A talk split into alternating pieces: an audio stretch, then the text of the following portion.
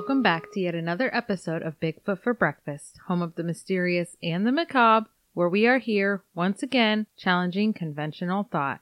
We are your lovable hosts, Samantha Carter. and Sarah Jones. As usual, if you are new here, don't forget to push the subscribe button on whichever podcast platform you're listening from, and make sure you leave a rating and a review because this helps us out a bunch, and we really appreciate them. If you wish to contact us for any reason, show suggestions, comments, concerns, etc., you can email us at bigfootforbreakfast at outlook.com, message us on Facebook, Twitter, or Instagram, or you can call us at 641 812 2635. This is just a voicemail number, so you can leave us a message and we'll play it on next week's episode. We really love the voicemails. They're always awesome and really encouraging, so keep them coming. We do have a contest in the works right now if you're interested in participating to win a really cool glitter tumbler with our logo on it. I personally love the tumblers. They keep my coffee warm for hours and keep my ice cold forever too. So they're pretty much the greatest thing. And they glitter. Sam loves glitter. If you haven't noticed, she brings it up every single time because she loves it. They're made by a small business local to us called With Love Custom Creations, and those girls do a fabulous job. As far as the contest goes, all you have to do is recommend us on any social media platform and help spread the word that we exist and tag us in it so that we see it and can put your name in the drawing that we'll have at the end of August. We've been seeing a pretty big increase in our listener base the last few months, and you guys have no idea how that makes us feel. We love it. And really, we have you guys to thank because you've been so cool about interacting with us and spreading the word about our show. Word of mouth is a wonderful thing, so if you can think of anyone who might like the show, send them our way, and we'll do our best to keep them mildly creeped out. We're really good at creeping people out. We always have been, really, our whole lives. People have made lots of comments about our creepiness, right? I don't want to be alone with you. You shouldn't want that. This week we've got a part two for you, part two of our Men in Black episode, because we just couldn't fit everything into one show. Honestly, we might do a few more in the future, just because there are so many stories out there. Here at Bigfoot for Breakfast, we're not completely sure what to make of this phenomenon, but it's so interesting to have so many claimed encounters over the years and so many similarities among people who don't even know each other. There are a lot of very intelligent people in the world who lend credibility to these claims, and we think that they're definitely worth exploring. So, with that, let's talk about it. Taco Tuesday. if you didn't hear part one of the show, the Men in Black is a phenomenon that has been reported officially since about the 40s. Mostly, this is something that occurs after a person encounters an alien being, visualizes UFO activity, is abducted by extraterrestrial entities, or has been researching a bit too much and gone a bit too public with what they've found. They tend to show up unannounced, dressed officially in a black suit and hat, flashing credentials of some sort, and give the person on the receiving end of this visit a bad case of the creeps, just like us. They typically do not exhibit stellar social skills, don't pick up on social cues, have strange and erratic speech patterns, and seem to know way too much about the incident and the person who experienced it. It really does sound a lot like me. I can't say enough how much I relate to these people. I do have hair though. I understand you. They are often threatening, sometimes blatantly, and sometimes just insinuating that a person will be harmed if they don't hush up about what they know or what they experienced. They're often reported to have an odd appearance as well as much of the time having no hair, eyelashes, eyebrows, and sometimes very pale skin and sometimes olive colored skin, exhibiting strange body movements when walking or moving almost as though they are mechanically driven or have practiced human movement that is unnatural for them and are trying to implement those movements unsuccessfully. Same, bro. Same. like walking and chewing gum at the same time. Yeah, I remember when I was in high school and our track coach made me do the hurdles, and I saw a video of that, and it was horrible looking. it looked like a freaking camel trying to go over the hurdles. Camels are very graceful animals. No. My lovely camel lumps. Mm-hmm. Not that long ago, I was working and I was like, Where do you hurt? And she was like, My neck and my back. So, I feel like we've covered it pretty broadly. All of this is in part one, as well as a few more famous earlier claimed encounters with the Men in Black. So, obviously, you might be more filled in if you just go back and listen to that one. With that, we are moving on. Yep. If you didn't hear part one, you're missing the boat. It's time to move it, move it. Yep. I'm sure Sam will come up with some more sing song things throughout the show. So stay tuned. I ain't doing it.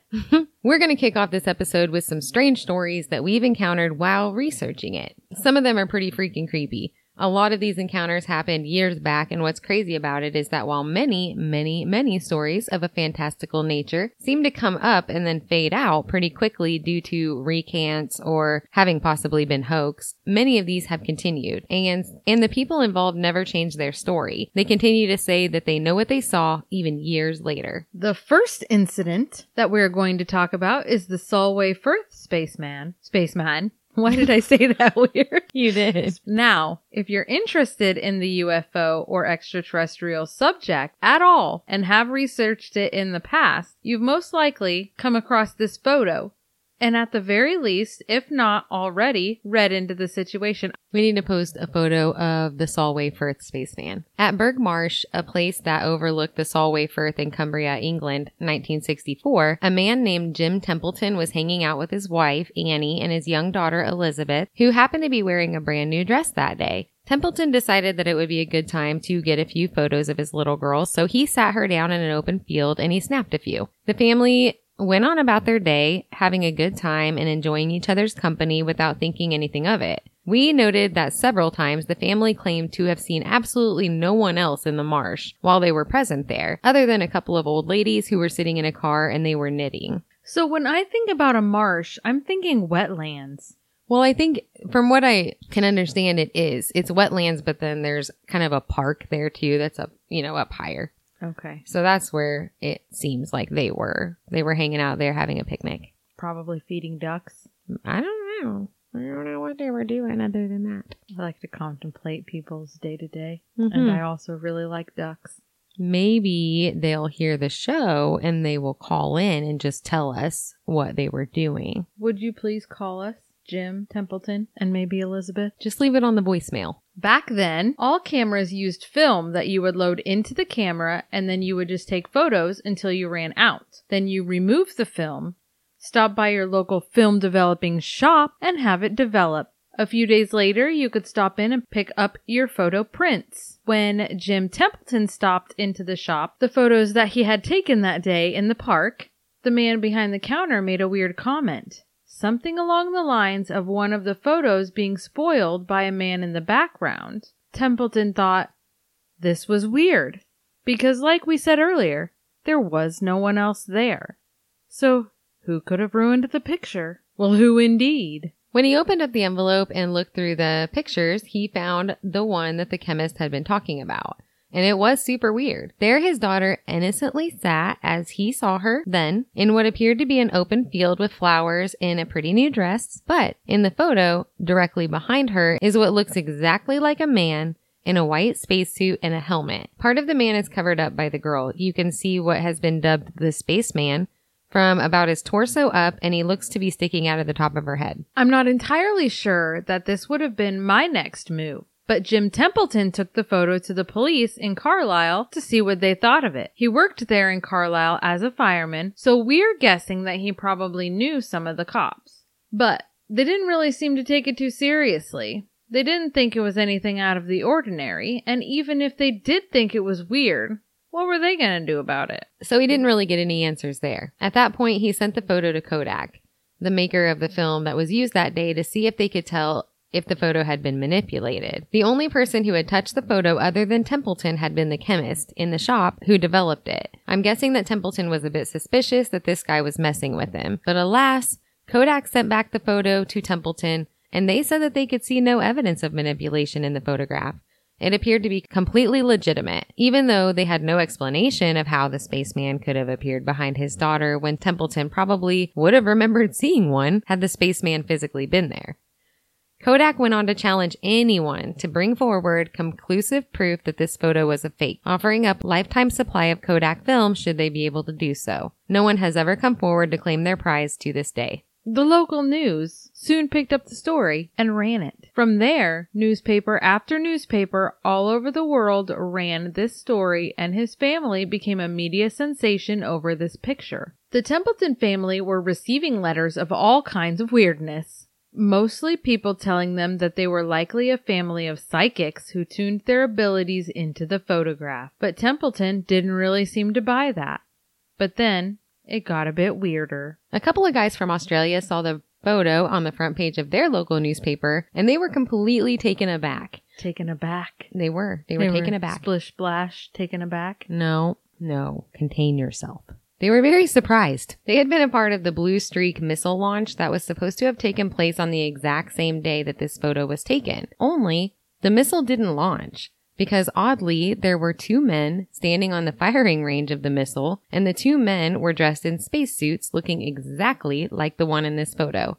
I'm taken aback. Right? Splish splash. Splish splash. Even more coincidentally, the Blue Streak missile had been manufactured in Cumbria, England, and this was only a couple of miles from where the photograph was taken. Weird. Strange, right? A few days later, a couple of guys showed up at Jim Templeton's workplace. They were dressed in all black, Surprise. driving a black Jaguar, Jaguar, Tomato, tomato. carrying washcloths Down yonder to the garden to water the flowers. and an ambulance, Mhm. carrying oranges. Amber lamps. They were driving a black Jaguar and acting super strange. Jim stated that they quickly flashed what looked to be a fake badge at them and appeared to have some sort of indiscernible crest on it, and below that, only the word security. Like one of those t-shirts. you know you're not security. We all know. I like the FBI ones. Yeah. Female body inspector. So clever. Oh. So, okay. That's the noise I have to make in order to stop laughing. Jim asked them for their names, but they didn't refer to each other by name.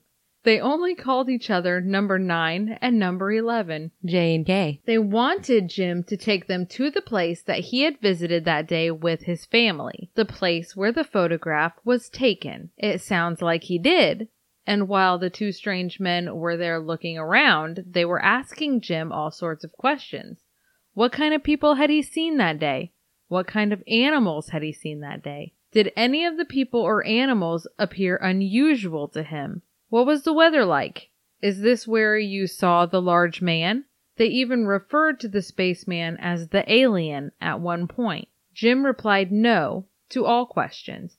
He hadn't actually seen anyone that day at all besides his family, with the exception of the two knitting ladies in the car. With that, the two men switched their speech tactic, enticing him to believe that the photo he had taken wasn't real, it was a fake.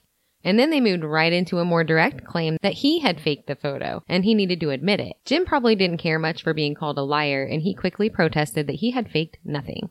At that point, the men got really irritated at Jim and they threw a, kind of a little fit and then they just got in their car and drove away, leaving Jim at Burgh Marsh with no ride back to town. He walked the whole five miles back to his work. Apparently, Jim had never thought that the two men were from the government from the get go. At the time, Jim actually claimed to have thought it was someone playing a trick on him and he just kind of went with it. But strangely, in 2001, he was interviewed for a book by David Clarke, and at the time, 40 years later, he said that he was pretty nervous about the visit and did think that it might have been the British government getting involved after all of the unwanted publicity unexpectedly got out of hand. So while we're obviously not done telling spooky stories about these creepy guys, we have to pose one question. The question most people ask about things like this. Why? We've read a few different theories as far as what people think these men in black are up to. Why would they be visiting people to scare them into forgetting what they saw and intimidating them into keeping quiet about it? Now, most of these theories have different elements. Some of them will have you believe that this is an agency of the American government and that there are other agencies like this all over the world. Just like other countries have their own army, air force, and navy, so on,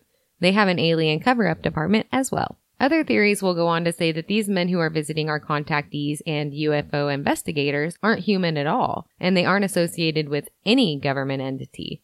They are entirely alien. But really, it seems like the vast majority agree that it's a mixture of both of these things. As we read through the thoughts of others, it seems that a lot of theorists believe that the powers that be throughout the world all know that there is alien life out there and that there is an active extraterrestrial involvement in the world for one reason or another. One popular theory says that extraterrestrials have always been here, living among us, ruling our world either directly or indirectly through our human leaders. But there is somewhat of an agreement here for peace. The extraterrestrials are allowed to take humans and use them for study or whatever that is that they are doing when abductions happen. And that basically they came to be allowed because humans don't really have a choice. They're simply more powerful than us. And an agreement had to be made because that gave us some sort of control. Had we just said no and tried to fight them off, the outcome could have been much worse. This made me think back to something that I read a few years ago about a supposed meeting, or a few meetings rather, that President Dwight D. Eisenhower had been whisked off to in the 50s. The first one happened at Edwards Air Force Base, and the second at Holloman Air Force Base. We took to the web and found some information on this and supposedly in 1954, Eisenhower had gone on a mysterious vacation to Palm Springs during his presidency. The people thought that it was a bit weird because he had just gotten back from a quail hunting vacation only about a week earlier. During the vacation, the president apparently went missing throughout one of the evenings and into the night. When he got back, the public was told that he had a dental emergency and that he had been taken to an all-night dentist to have it corrected. Okay, no big deal. But then people started coming forward with some weird stories. Important, credible people, like 80 year old writer for Hearst newspaper group, Franklin Allen, Cardinal James McIntyre, who was the bishop of the Los Angeles Catholic Church, and Dr. Edwin Nourse, who was the first chairman of the Council of Economic Advisors. It is said that all of these men, among others, were present at this meeting, and the purpose of making super credible people present was to surprise them with the fact that there were extraterrestrials out there and use their reactions to gauge what the reaction of the general public might be if they were faced with the presence of aliens as well. I'm guessing that the governing agencies responsible for this didn't think that these men would come forward saying that the president was meeting with aliens because they wouldn't want to lose credibility in their positions by saying outlandish things. So the story goes that there were actually a few of these meetings because there was an agreement to be made and the government and the extraterrestrials just couldn't seem to reach one. There were meetings held with two different types of extraterrestrials. The group that has been dubbed the Nordics due to their tall stature, pale skin, and icy blue eyes, and the Greys. These meetings with Eisenhower were considered to be the first contact meetings between our government and these entities. At the end of the whole deal, a treaty was said to have been signed.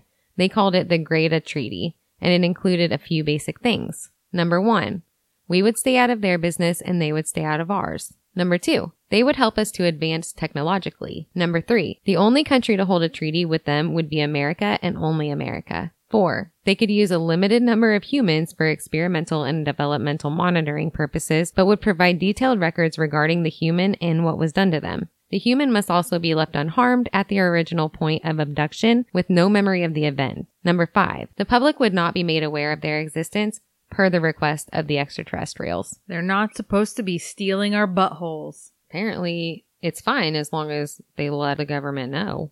One of the witnesses, Colonel Philip Corso, wrote a memoir in which he spoke of the events, calling the treaty a kind of negotiated surrender because we couldn't fight them. The aliens that were negotiated with were the gray aliens, and it later turned out that they were not following the treaty at all. They were taking way more humans than what had been agreed to. They weren't providing the government adequate or pretty much any record of the humans that they were abducting and experimenting on, and they were not providing technology advancement assistance as was promised in the treaty. But at this point, we couldn't get rid of them, and we knew we couldn't trust them. The powers that be were stuck. So things have gone seriously awry, and now we've made this deal with a race of aliens that is not only intelligent and much more advanced than us, we've come to find that they are also dangerous and seem almost completely to disregard our well-being. Yay! Luckily, extraterrestrials don't really want the human race to know about them because our government doesn't want the public to find out about this gigantic mistake either. According to a lot of the whistleblowers, there are active policies within the government to contain this information and how to cover it up when the extraterrestrials get a little too sloppy or slip way too much into the public eye. In regards to current or past government employees who may have been privy to this information in some form or another, coming forward with it to the public is supposedly punishable by 10 years in prison and $10,000 under the Espionage Act. And this is why most of them don't do it. But of course, some do. So when they do put out information about it and they get a lot of attention and they end up going to jail, what does that look like? It looks like they were probably telling the truth, right? Because why would the government give a crap about some crazy person telling the public about aliens if they didn't exist anyway? So here's what the government does instead. They intimidate them into redacting discredit them, or eliminate them altogether. This is the reason that some people think that the men in black are visiting people on behalf of the government, and in fact they are human. They are the strong arm intimidators sent to scare the people into secrecy or redaction. But others think that they are there on behalf of the extraterrestrials who also want to fly under the radar. Both entities have a vested interest in the silence of anyone with information, so it could really be either side. But the awkward mechanical movements, odd physical attributes, strange and often inappropriate methods of speech, ill-fitted clothing, and downright horrible social skills seem to lend more credence to the fact that they may not be one of us. So that seems to be the leading theory here. The next story comes from a member of the Air Force by the name of Paul Miller, who was just out hunting one evening. When on his way back through the field, he saw a big, really bright, disc shaped craft landing in the open field not far from him. I'm sure that he felt that this was odd. But after the craft was finished landing, he reportedly saw two aliens walk right out of it. This frightened him quite a bit, and instinctively, he shot at the two beings. He injured one of them before turning around and running all the way back to his house, probably screaming. Because what the hell? I'm not sure whether or not he told anyone what happened in the hours after he returned home, but he did go to work the next morning at the Air Force Base, and he was only there for merely minutes before he was approached by two men dressed in black suits wanting to know all about what he had endured the previous evening. It's said that Miller got the impression that they already knew everything, including exactly what happened and even knew a great deal about him personally. Of course, the encounter on its own probably would have had him pretty freaked out. These guys showed up knowing all of this stuff not a day after it happened. How did they even know? How did they know him? And why? This just sealed the deal for him to never talk about it again. And the men supposedly told Miller, quote, we have everything on file. We think you should just forget what you saw. Sage advice, men in black sage advice. Mm-hmm. Years ago, in a small West Virginia town, always with the West Virginia. Right? They have a lot. Of, they have a lot of things going on down there. A group of school kids witnessed a UFO flying and then hovering directly over the house of the Shepherd family. The group of school kids who saw this included the daughter of the family, Susan Shepherd. Not only did these kids see it, but many of their neighbors did as well, and the Shepherds started getting phone calls about it pretty much immediately. The Shepherds just kind of laughed the whole thing off, not believing a word of it, but their daughter Susan had seen it along with everyone else. Little Susan was at school the next day and suddenly she turned to see two men dressed in black t-shirts and black pants approaching her and her friends. According to the Mysterious Universe website, she described the men like this. Quote, the men exuded an uncanny energy which I immediately sensed. They also looked differently from one another. One man appeared to be of European descent, while the other had an East Asian appearance. The one with the Asian appearance had what looked like to be dyed blonde hair that was cut very short. Neither was wearing a hat, nor did they wear a suit and tie. They simply had on black shirts and black pants. End quote. How old was little Susan? I'm not sure, just young school age. Because she described them as exuding an uncanny energy? Well, she was older when she said this. Okay. I thought you meant that that was her description at the time. No, like, that's this- pretty advanced. if you think about the training situation that Will Smith was in in Men in Black, she's walking around with quantum physics books at night. No, I think that mm-hmm. she just was describing what she experienced as a child. Okay. So Susan reports that a couple of other children from the group were spoken to as well, and all of these children experienced terrible migraines after speaking with the men that she always thought were connected to that experience. For a lot of years afterwards, she always felt like she was being watched. She began sleepwalking when she hadn't done so before, and she experienced strange poltergeist like activity. Apparently, there have been these loud booms people are hearing coming from the skies all over the world and throughout the United States. But the people in Pennsylvania have been experiencing more of these than usual lately. In Mullany, Pennsylvania, the locals there have been enduring questioning from the FBI or other government programs wanting to know if the people had actually seen anything to go along with hearing the booms. Again, from the Mysterious Universe website, we have a quote from one of the locals who said, Two men in dark suits and a dark car were banging on our front door and back door at the same time until I answered. I could see that they had badges under their coats, but they didn't identify themselves. It was unnerving. Then they left. Obviously, this is a strange experience, and some of the components of the experiences that people report would lead a person to think that these are most certainly not people who are from the planet Earth or that they have some level of supernatural elements to them. But there's a theory for that. A lot of people who have looked into these reports have an idea that these men actually are earthy folks and are members of the government. So what about the telepathy, nausea, lightheadedness, nightmares, lost time, and things of this nature that are so often reported in direct relation to these visits? Well, the idea is that in the 1950s, when most of these sightings were getting started, this was also a time when some of those secret government agencies were being formed to investigate the frequent claims of UFO sightings, extraterrestrial abductions, and visits from the men in black. At the time, people didn't know that the government was even doing this. It was a secret. Although there were a few rumors, we only came to find out years later that there even was for sure secret government agencies looking into things of this nature. Project Blue Book, for example. So if these human agents looking into the claims were visiting contactees, dressed officially as government agents typically are and showing up unannounced, asking vague questions and trying to silence people, they were likely a little intimidating for the people that were speaking with them. Say you live a nice and quiet leave it to beaver life in the 1950s. There's no internet, there's no YouTube, you might have a television, so there's really not much in the way of outrageous things that you're exposed to on a daily basis the way that people are today. Maybe a comic book or a magazine story here and there, but that's about it. You're working that 9 to 5 and living the American dream and not much goes on that's out of the ordinary.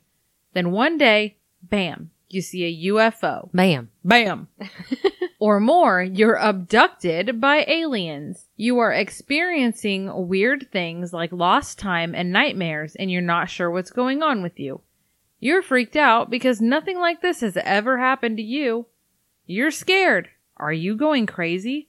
Did it even really happen? So you're already dealing with this. And then randomly, out of nowhere, a few guys walk right up to you in black suits asking you a bunch of questions about it. They know way more than they should about you and what happened to you. How do they know?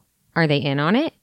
They're threatening you, and the fact that you're already going through a lot and you were already scared to begin with, feeling like you have no control over something that happened to you personally already has you in a vulnerable mindset. You have to tell someone. So you do. You tell a few people and they're astonished. They don't believe it. Do they? Do they believe you? This is a crazy story, and then they tell people. Except when they tell the story to someone else, they sensationalize it a little. They embellish it to make it seem a little scarier and a little more unbelievable than it already is. Quote, These weren't just regular guys. They were weird guys. They had glowing eyes and stuff. Their skin was hanging off their bones. They didn't talk right, and when they moved, they seemed to glide through the air like wearing an Egger suit. That's, yeah. you get where we're going with this. Basically, the idea is that they actually were government guys, but they were just mysterious enough to freak people out. And the stories got a little out of hand. And then future encounters just built on the stories that they have heard before and so on. But why would the government want to keep the aliens a secret? Especially if there was some sort of official agreement with them. Well, like we said before, The government likely made a mistake with this treaty and they don't really want people to know about it. It would cause panic. Why would it cause panic? Because not only are extraterrestrials a presence here on our beautiful planet Earth, but they also might not mean well.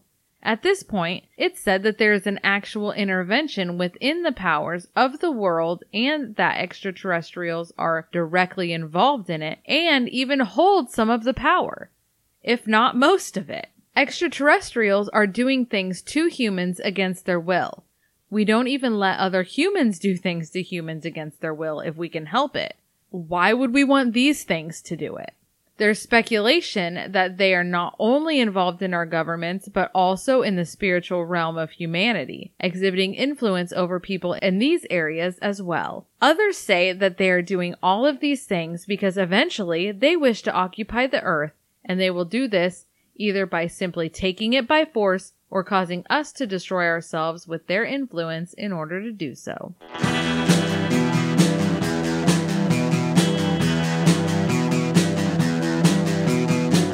You're listening to the Prescribed Films Podcast Network, home to hundreds of hours of free podcast entertainment.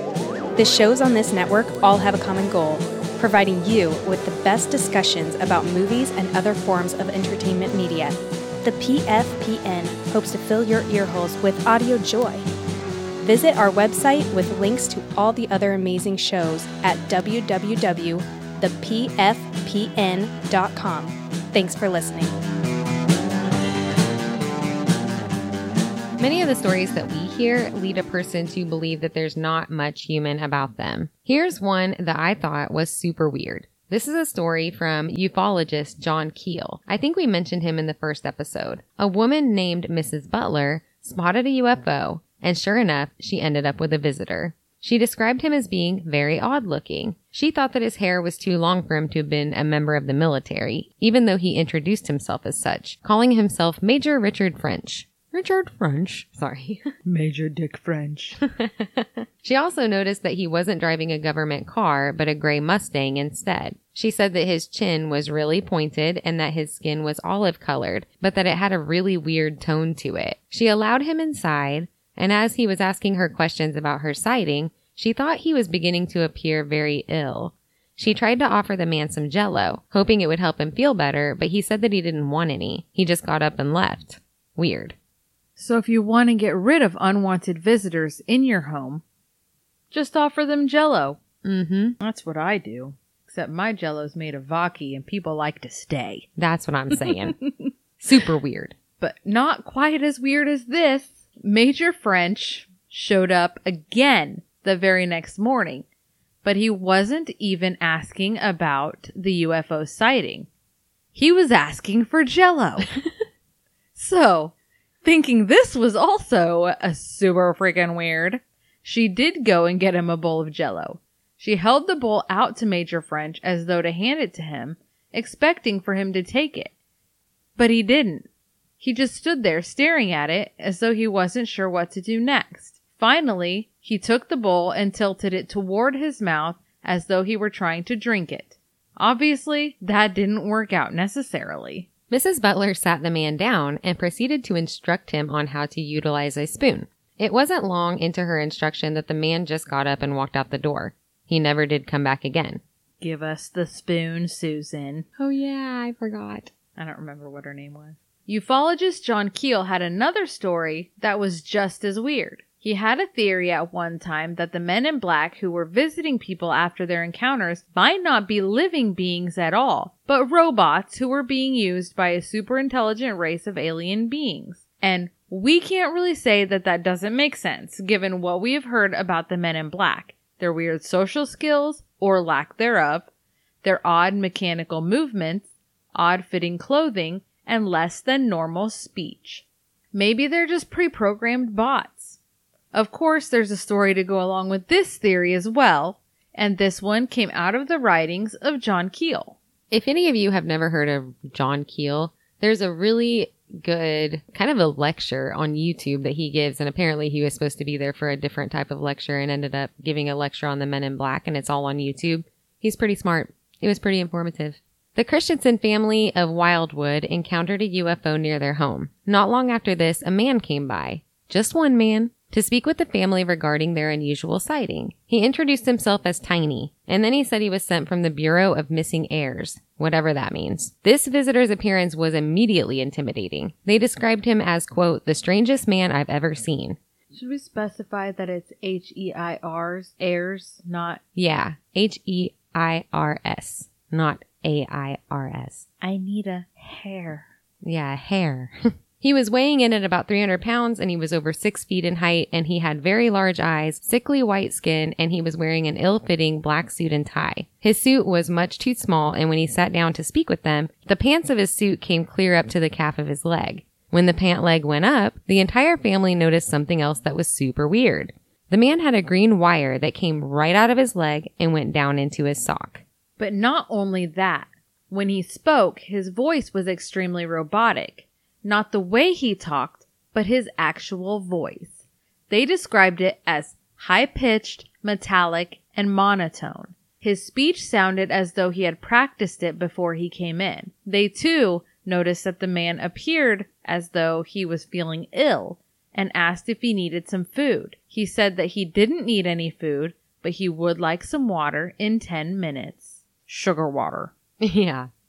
He asked them a series of questions that didn't really seem to make sense and and as he talked, his face was becoming very red. The family was concerned and they went ahead and gave him some water. The man took out a yellow pill and put it in his mouth and used the water he was given to wash it down. Immediately, his color returned to its original weird white color that he was when he first arrived. He then stood and walked out the door where there was a Cadillac waiting outside in the driveway. He got into the passenger side of the vehicle and they drove away, leaving the family completely baffled. The next day, they received a phone call at the house. A woman's voice on the other end of the line told the person who answered to forget about the UFO that they saw because the missing heir had been located. And that was it. They found him, I guess.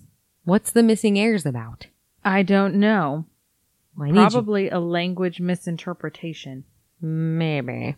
The next story seems like something straight out of a movie. A woman working as a waitress in a restaurant called Max's Kansas City in New York had a strange encounter and she hadn't even been a UFO witness, nor had she participated in any investigations. One night, an odd looking fellow came in and sat down at one of her tables. He had pale skin, dark hair, and a bowl cut. Remember bowl cuts? He had hair? This one did. She thought he looked like he had a thyroid disease because his eyes were bulging out of his face and his fingers were extremely long. Doing what she does, the waitress approached the table and asked the man what he would like to eat. He told her that he would like, quote, food. She kind of laughed it off and asked him what kind of food. She noted that he was looking at the menu but didn't really seem to understand it or even realize what food was. She decided to make a suggestion and asked if he would like a steak. So he went with that.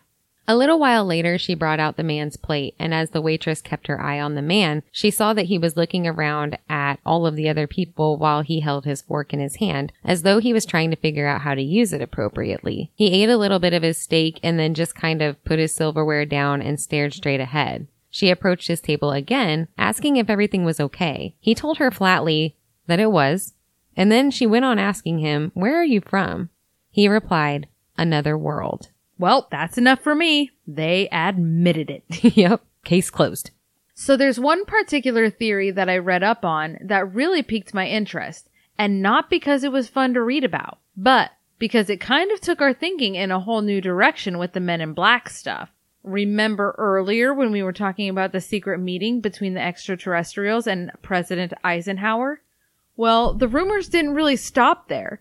It came up again here recently. You've probably heard about this, but in 2013, a man named Edward Snowden leaked a bunch of NSA documents and ended up having to move to Russia where he was granted asylum in order to avoid treason charges and some serious prison time and now he's getting pardoned. Is he actually? I don't know. He said he's pardoning someone tomorrow, but it's not Snowden, but he is talking about pardoning Snowden. Well, who is it? I don't know. He hasn't said. But is Snowden still in Russia? Yeah, I don't know. I thought last I knew Snowden was still in Russia, but it's been a while since I've actually read up on Snowden himself. I think he's still in Russia as Hey, of now. Snowden, call us and tell us where you at. Yeah. Where you at, bro? we're Team Edward. We are totally Team Edward. You tell those stories. You we'll tell. come get you. We will. I'll come for you. You might have to pay for it because this podcast doesn't make any money. So we're broke, but we will come and accompany you wherever you need to go. Okay. So supposedly one of the leaked documents was associated with Eisenhower's meeting. Like we said earlier, there were actually two meetings, one with a tall, pale race of humanoids called the Nordics and the other with the Greys. And if you listen to our Dulce Air Force Base episode, all of those aliens were the Greys, if that tells you anything about them. They are not pleasant entities. The Nordics were warning Eisenhower that we need to take better care of our planet and that we need to band together as a race and quit fighting each other or we would end up destroying ourselves. The Greys seemed more interested in helping us advance in exchange for some small favors, like the government letting them abduct us and stuff. We want your butts. Eisenhower asked both groups what they would have to offer the human race in the way of weapons and technological advancement. The Nordics were hesitant to help us with those things because they didn't think that we were ready or spiritually advanced enough to deal with them, where the Greys promised to advance us. Eisenhower liked the idea of technological weapons advancement and he signed the treaty with the Greys, turning down help from the Nordics. Oh, Eisenhower. And just FYI, I didn't actually see these documents. They were just talked about in different articles. So I never found these leaked NSA documents themselves. Like, you know how you can go on the FBI or like CIA websites and find things? I couldn't actually find the documents. So this is just all speculation. Edward, we need your help. If you could just fax those to Bigfoot for breakfast, We don't have a number. You can just take a picture with your phone, send it to us in an email or you can text the show now. Yeah. So you could probably just send it right through. or read it out loud on the voicemail. Yeah, whatever. Now we're going to have all kinds of people calling in pretending to be Edward Snowden on our voicemail. How will we know if it's real? Anyway, a lot of people say that we chose the wrong group of extraterrestrials because, like we said earlier, the Greys didn't really end up helping us at all. They basically just infiltrated our planet and now we can't get rid of them. Like roaches. But it seems that at some point we must have ended up with Nordic involvement as well because there are a lot of different stories that include humanoid beings just like they're described from experiencers and even some government documents that have been discovered since the disclosure. A Forbes magazine article that was written in 2014 by a man named Michael Peck states that an Iran news agency stating that, quote, a Russian spy agency called FSB has found incontrovertible proof that an alien extraterrestrial intelligence agenda is driving U.S. domestic and international policy and has been doing so since at least 1945, end quote. The extraterrestrials in these supposed documents are described as tall whites, who were actually involved in also helping Nazi Germany build super advanced submarines in the 30s and were the same beings that met with Eisenhower in 1954. It's thought that maybe after we made that agreement with the Greys, we ended up asking for help from the Nordics after all, and that now there's kind of a power struggle between them for Earth as they both operate under the radar of human knowledge for more power. This sounds crazy, doesn't it? No. I can see why a person would think that. But get on our level. Just open up your mind. That's it. Just open up your mind. Stop, collaborate, and listen. Drop. Shut them down. Open up shop. That's how Ruff Ryders roll. Yeah, all that. All those things. All the things. Regulators, let's mount up. What? Mount up, regulators. Oh boy. It's so weird that this would have been reported in Iran by the Fars News Agency, oh. especially since the Fars News Agency is said by some to be a pretty reputable and credible program that operates and is affiliated with the highest levels of government within the country. Others refer to the agency as nothing but government propaganda. So who knows? Maybe the descriptions of the tall, pale, odd American rulers are the Nordics in disguise. They are. That the men in black date back to even biblical times. And that's why the Catholic priests wear black robes. Oh, it's a clue. I got a clue. And that's why the Pope hat is tall and pointy to hide the alien heads. We're figuring out so much. I don't know why they don't ask us more Right? about our ideas. There are people who believe that the men in black date back to even biblical times and that minor mentions of certain people or angels in the Bible seem to reference these beings. An example that we saw a few times throughout our research was the story of Sodom and Gomorrah. If you aren't super familiar with that, God was sent to destroy the cities because he didn't like the way that the humans were acting and the way that they treated each other. Supposedly, these places were absolutely rampant with sin. Horrible sin, like stealing, murder, rape, so on. But there were a few good people living there, including a man named Lot, who lived there with his family. God sent two angels, clad all in black, to visit Lot. Long story short, there was a situation where the two angels were speaking with Lot in his home. Men from the city surrounded Lot's house and demanded that the two strange visitors come out so that they could speak with them. It was obvious that the mob had ill intentions and Lot stood up to the mob, trying to protect his visitors. Never mind the fact that he offered them his two virgin daughters, but whatevs. The two visitors pulled Lot back into the house and destroyed the mob before warning Lot to evacuate the city before God destroyed it. This is all told in the Bible, but some people think that the writings in the Bible were misinterpretations of alien involvement here on Earth. The story of Sodom and Gomorrah and Lot's visitors as written in the Bible are interpreted by others that an ancient race of extraterrestrials were involved in the development of civilization, and the two visitors were sent by them to heed warning to those who might not deserve destruction. They are referenced as men in black as well. And if this should be true, they would kind of be doing the same thing as today's men in black, warning people of getting too involved or standing in the way of any possible extraterrestrial agenda. So we have all these stories that go back to the 40s that we know of and we and have been going strong through the recent years. The sightings and interactions are very hard to prove even happened, aside from the few photos and videos that the men were at least present. But even those can be faked by having a friend put on the clothes and act like one. Let's shave his eyebrows. So how do we know it's real? I guess we just have to believe and have faith that this many people wouldn't just make something like this up and understand that although their existence or actions haven't been proven, they haven't necessarily been disproven either. Maybe it's naive and stupid of me, but I kind of wish these guys would come at me with some questions. I would be so excited because I've got some questions too. So many questions. I would get them a hot cup of coffee, teach them how to drink it. You gotta blow. and we'd have a great conversation on the front porch. I just want to know so much stuff. Yeah, I'd be if they showed up at my house, I'd be like, "Yes, finally. Finally you're here and you're not going anywhere cuz we have so much to talk about." Bring Edward with you. Wow. Wow. Wow. they would kill us. They would hate us. They'd be like, oh, there's no hope for this civilization. They'd be like, Have you seen anything weird? And I'd be like, Have you seen anything weird? I want to know all about it. Tell me the things. anyway. So that leaves us with the obvious questions. What are they for sure? Who are they with really? And given the fact that the government likely knows the answers to all of this, why won't they just freaking tell us? You suck. It's like watching a really good movie with all kinds of great backstory and characters that just cuts off 10 minutes before the ending and you never really know what happens. But I guess we could just assume that the age old argument is in play. The one where humans aren't ready for this kind of information and revealing the truth would result in nothing but fear and mass panic. Look, guys, grow up. Just calm down. It's time. So if the government goes to all of these links to hide alien involvement and things like Men in Black, why are they okay with all of these movies? Not only the actual Men in Black franchise, but there have been countless other movies that involved Men in Black as well. Well, there's a theory for that too.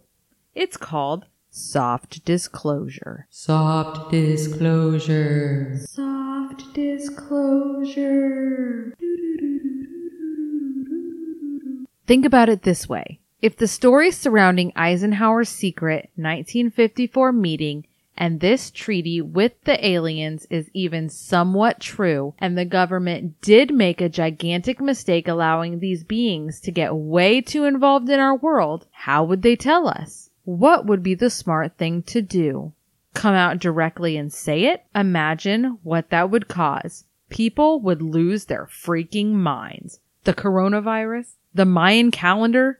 Y2K? You guys remember what happened when those things were coming up? People went out and bought everything. Messed up the economy.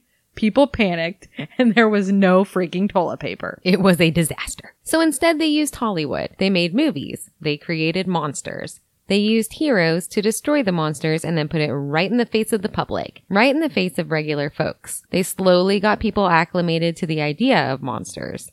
We're more of a hardened society now than we used to be because we've seen it. When these types of movies and books began coming out in the early years of entertainment, they really freaked people out. Remember the War of the Worlds broadcast? Well, most of you don't remember it, but surely you've heard the story. It was a radio show written by Orson Welles. It was fictional, but when they played it over the waves, people listened and thought it was a real thing happening. It was a huge deal. People thought the world was ending and that aliens were taking over the earth. But now, when things like that play on the television or on a podcast, for instance, it's not that big of a deal. We've all heard it so many times before that it's not that scary to listen to or watch for most of us. Some think that they're using entertainment to slowly get us used to the idea of monsters and aliens so that it won't hit us so hard and cause such a huge panic when the powers of the world finally do lose control of the alien involvement that's already here. An involvement that they're barely keeping contained as it is. A movie made in 1951 by producer Darryl Zanuck is supposedly a great early example of this. It was rumored that the Psychological Strategy Board of the CIA was involved in the making of Zanuck's movie, The Day the Earth Stood Still, with the intention of putting the film out there to see how people would respond to seeing aliens on planet Earth. Further arguments cite the fact that producer Darryl Zanuck and the movie's director, Edmund North, were both ex-military. In the documentary Mirage Men, a man in the film industry named Robert Emenegger almost Schwarzenegger, but it's not, it's Emenegger, claimed to have been approached by the Pentagon. They wanted him to make a fictional movie about the government and what the government really knows about extraterrestrials. They told him that they would let him have actual footage of an alien aircraft landing at Holloman Air Force Base to use in the film. Other camps will argue that the government encourages the making of these movies to cause the conspiracy theorists to appear even more unbelievable. So the you've been watching too many movies argument could be more easily made. It's both things. Other people will argue the fact that the very idea of the men in black and other alien races trying to get information from us is a form of mass panic in itself. A good example of the human race willing to believe in a government who would keep secrets from us, along with our susceptibility to believe in anything suggestive. A huge, super gullible group of conspiracy theorists who have seen too many episodes of The X Files. The fact that these sightings and ideas peaked during the time of the Cold War doesn't help our case at all. There is no such thing as watching too many X Files episodes. Absolutely not, since I've seen them all three times. I've seen them all shamefully way more than that. The people of the United States were already suspicious during this time of everything, especially the government. So it's said that this was the perfect time for things like this to have developed given the way the human mind works, which is fair, but that's not what we want to hear. we here at Bigfoot for Breakfast think that it is much, much more. But that is for other episodes. Thank you so much for joining us yet again for another episode of BF4B, home of the mysterious and the macabre. We hope we piqued your interest this week and we've allowed you to come to your own conclusion on this based on some of the information that we've gotten you started with in the past couple of episodes. Even if you don't believe a word of it, it never hurts to read up on what people are experiencing and saying about the world around you and just be aware of that. Asking questions and seeking answers is never a bad thing.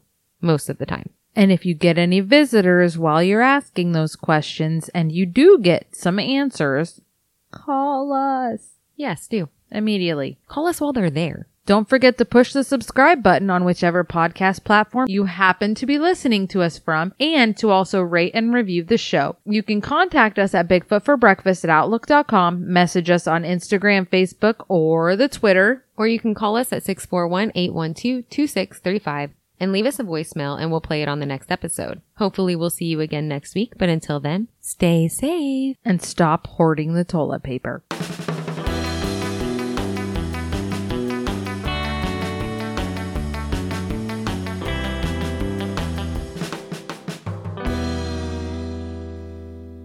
Come at me, bro.